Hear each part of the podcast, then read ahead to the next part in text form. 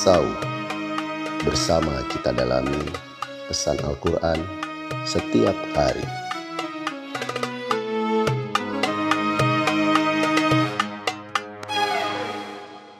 أعوذ بالله من الشيطان الرجيم فبأي آلاء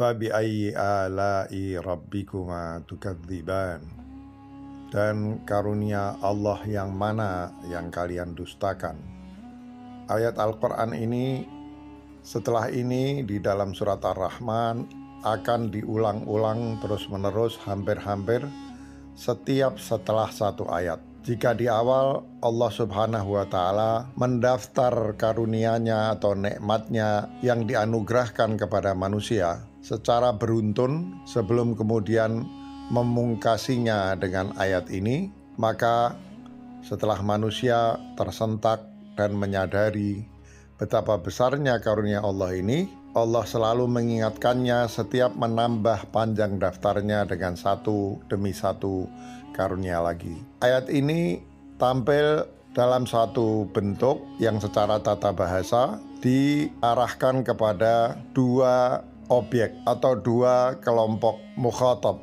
address dari pembicaraan ayat ini. Dua objek apakah yang dituju oleh ayat ini? Sebagian besar ahli tafsir mengatakan bahwa Allah sedang berbicara kepada kelompok manusia dan kelompok jin.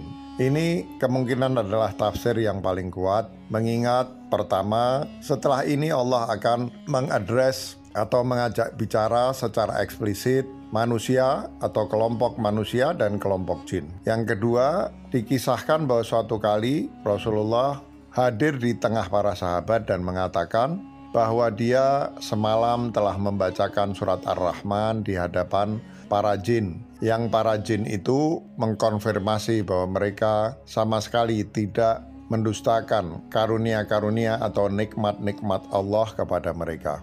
Sedikit tentang makhluk jin. Makhluk jin hidup seperti manusia, mereka bergaul satu sama lain, saling menikah, saling memiliki anak, dan seterusnya. Juga memiliki ikhtiar, kemampuan memilih, karsa bebas, seperti manusia, sehingga Allah juga di dalam ayat lain mengatakan bahwa jin memiliki kewajiban untuk juga beribadah kepada Allah sebagaimana manusia.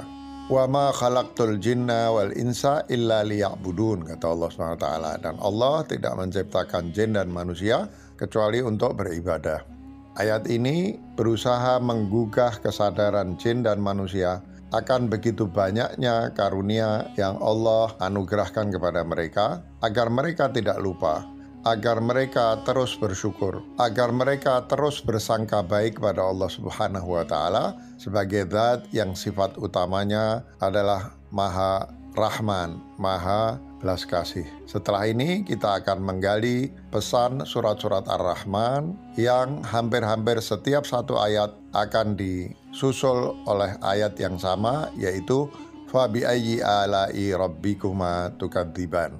Bukan saja ayat ini menyentak kesadaran semua manusia dan jin, tapi sekali lagi komposisi Ar-Rahman adalah satu komposisi yang puitis yang di antara salah satu hikmahnya adalah untuk menyangkal cemooh dari orang-orang kafir yang menyatakan bahwa Al-Quran disusun dengan bahasa orang ajam, bukan bahasa orang Arab, dengan cara itu mereka ingin mengatakan bahwa kualitas Al-Quran adalah rendah dan karena itu tidak mungkin dia datang dari Allah Subhanahu wa Ta'ala. Maka Ar-Rahman diturunkan untuk membuktikan betapa tingginya sastra Al-Quran, begitu indahnya komposisi Al-Quran, sehingga dengan demikian tuduhan kaum kafir itu terbukti sebagai tuduhan yang tidak berdasar.